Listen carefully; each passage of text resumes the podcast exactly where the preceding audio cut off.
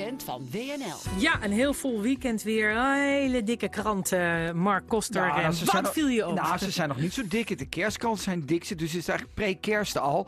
Eh, laten we even beginnen, omdat we net een heel leuk gesprek hadden met uh, eh, Koos Tompé. ja, ik vond het ook leuk met Dat, Koos eh, Tompé. dat, en daar heb ik even het, de quote van het weekend op gebaseerd. Marcel Levy, hè, de ziekenhuisbestuurder in Londen, de man die de vaccins moet verspreiden, die zegt de allermooiste quote van het weekend.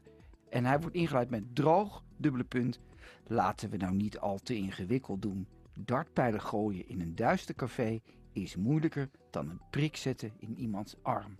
Vind ik mooi. Even die kleine relativering. De vaccins zijn er. Jongens, doen dat niet zo moeilijk. Steek je arm uit, vaccin erin.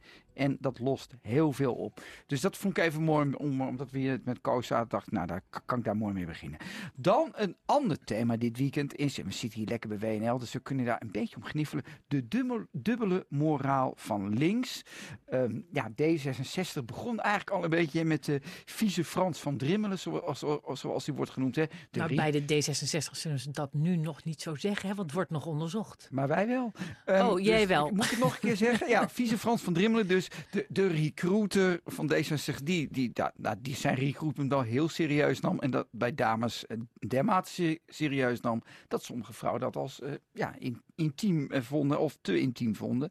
Ehm, ja, dat, dat blijft natuurlijk pijnlijk voor zo'n partij die zich natuurlijk daar opwerpt als inclusief. En tegen MeToo en voor vrouwen. Waarom is het voor D66 erger dan voor andere partijen om MeToo eh nou, niet erger, maar, eh, maar- maar- mogelijk nou ja, te het- moeten onderzoeken? Nou ja, omdat dat een partij is die daar heel erg voor staat. En dat, dat moet je allemaal uitzoeken en onderzoeken. En eh, dat dit onder de pet bleef, dat is wel vrij pijnlijk natuurlijk dat mevrouw Kaag dat wist. En dat Maar ze- weten we zeker dat zij het wist?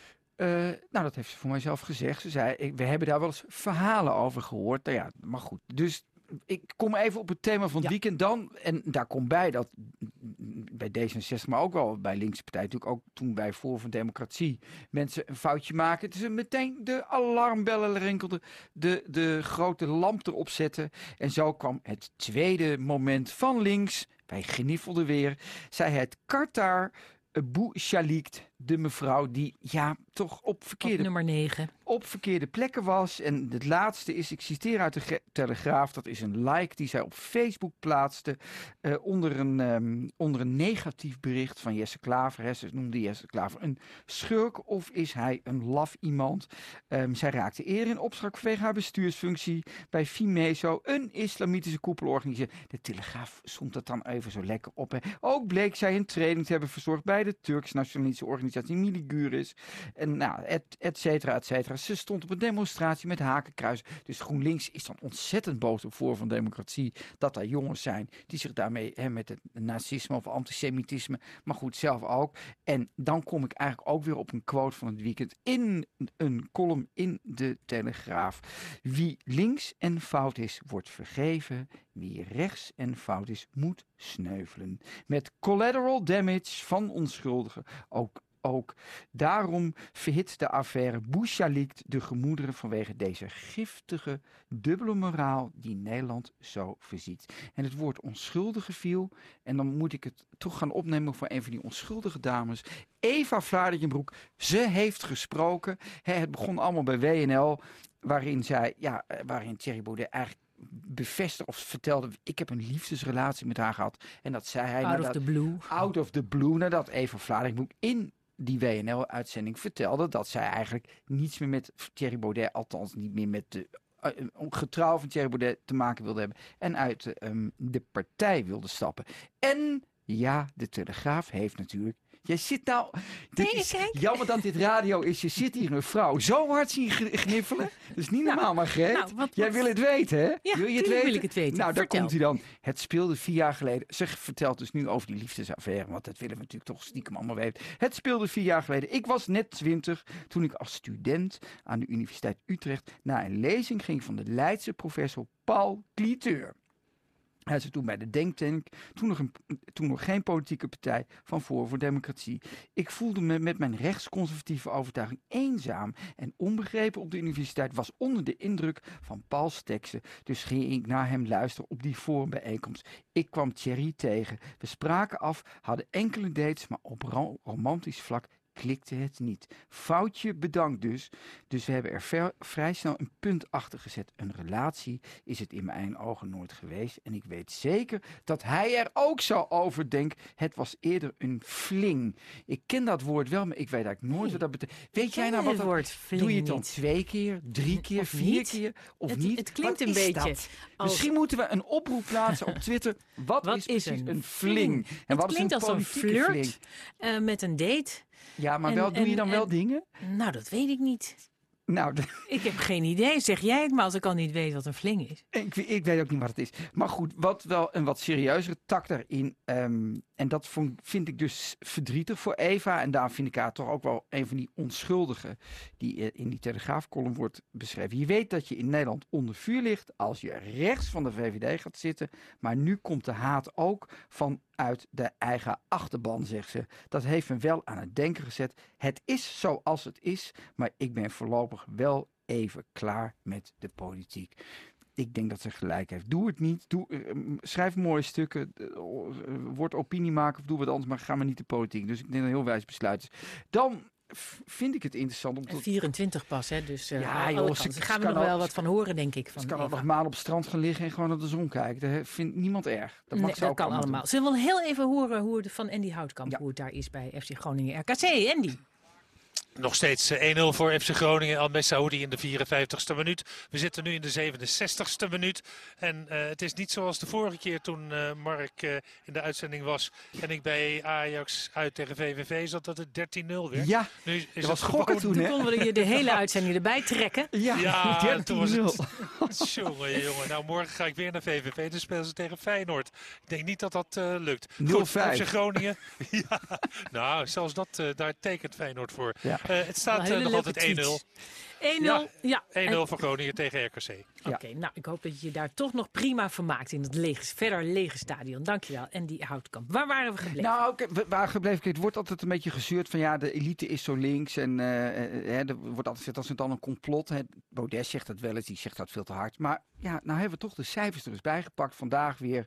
Wie, is nou, wie zijn de elite van Nederland? Hè? De machtigste mensen van Nederland, de top 200. En ja, helaas of helaas, het zijn in feite 31% van deze top 200. Ik weet niet of ze allemaal getest zijn stemt D66, 19% VVD en 14% PvdA en slechts 9% is CDA-lid van dus de, de, de top. Op nummer 1 staat ehm, eh, Kim Putters hè, van het Sociaal Cultureel Planbureau. En wat ik dan wel grappig vind, dat vind ik dan ook wel weer leuk. Wat is macht nou? Nou, macht is toch het jaar van de corona. Jaapie van Distel, pats, op nummer Op 2. nummer twee? En als je dan dit, dat hele lijstje, wat heb ik natuurlijk even bekeken hier voordat ik hier naartoe ging. Het de- er komen allemaal virologen binnen. En mensen maar staat er bijvoorbeeld in. Ik vind dat allemaal grappig, dat zo'n volkskrant, waar, ja, waar meten ze dat dan aan? Ja, daar ben ik ook wel benieuwd naar. daar staat er nooit echt bij. Wel wat, wat criteria, maar is, is dat dan hoe vaak je bij op één zit of hoe vaak je bij WNL wat zegt of, of bij oh, maar dan snap ik wel dat ze heel hoog Ik eh, vind dat wel Ja. leuk. Dat, maar Van Dissel dus op nummer 2. Dan die 9% van het CDA. Ik vind het ongelooflijk hartverwarmend wat er bij het CDA gebeurt. Misschien beken ik nu een heel klein beetje kleur. Dat Hoekstra daar lijsttrekker wordt.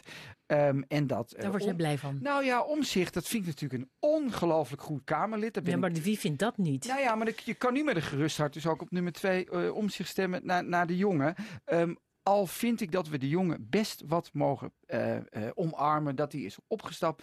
En het AD, goede krant aan het worden. Goede, hele mooie reconstructies. De reconstructie, de dag dat de jongen aftrad. Vind ik altijd mooi, hè? Droog beschrijven hoe het eh, ging. De dag is nog jong. Als politiek adviseur Bart van der Brink donderdag een appje krijgt van zijn baag Hugo de Jonge. Die Bart van der Brink zit hier ook wel eens in de coulissen bij WNL als de ja, jongen dan. Aardige jongen. Hij zou hier trouwens zitten, hè? of eh, ik zou hem spreken vandaag, Hugo de Jonge. Ja. Want er zou een congres zijn. En Ja. ja, ik hoorde ineens dat het niet doorging. Dus het, is, het lijkt wel allemaal heel ad hoc, maar misschien... Misschien is ook een grote zo. strategie. Maar dat, moet, dat is dan de echte reconstructie. Maar nu even die donderdagavond. Ik ga ermee kappen.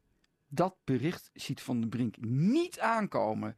De twee kennen elkaar al vele jaren. Die delen lief en leed. Maar de jongen is er de man niet na om twijfels te delen. Vind ik wel een mooie observatie. De jongen hoort de adviezen van zijn partijgenoten aan, maar laat al die tijd merken dat hij niet van plan is het bijltje erbij neer te gooien. Hugo wil zelf aan het stuur zetten, zegt een de jonge kenner. Hij is van gaan, gaan, gaan tot het niet meer gaat. En dan ineens zet hij de knop om. Vind ik mooi dat hij heeft het dus zelf wel besloten, want dat weet je nooit. Ja, dat weet je nooit. En je hebt natuurlijk ook de, de cynische, politieke, calculerende types die zeggen... ja, dit is ook weer een opzetje van het CDA. Geloof jij dat? Nee, eigenlijk niet. Ik denk dat het oprecht dat hij zag... Hmm. Maar we hadden eerder een gesprek met, uh, met Carla Joost en met uh, Onno Ruding, de oud-minister. En toen vroeg ik me dat ook al af. Van, heeft het ook te maken met dat die coronacijfers slechter gaan? Mm -hmm. En dat dan ja, je nog meer gezuur krijgt en dat je dat eigenlijk of die partij zich nog meer niet... verantwoordelijk voelt. Ja, ook dat. Maar ja. wat, wat, wat zeiden ze daar dan? Wat, wat... Nou ja, dat het uh, ja, eigenlijk ook wel ja, natuurlijk op hem al zou hebben afgestraald. Dat is ook zo. Ja. Dat, de, de, ja, het probleem met, met Mark Rutte, die maar in de peilingen blijft stijgen.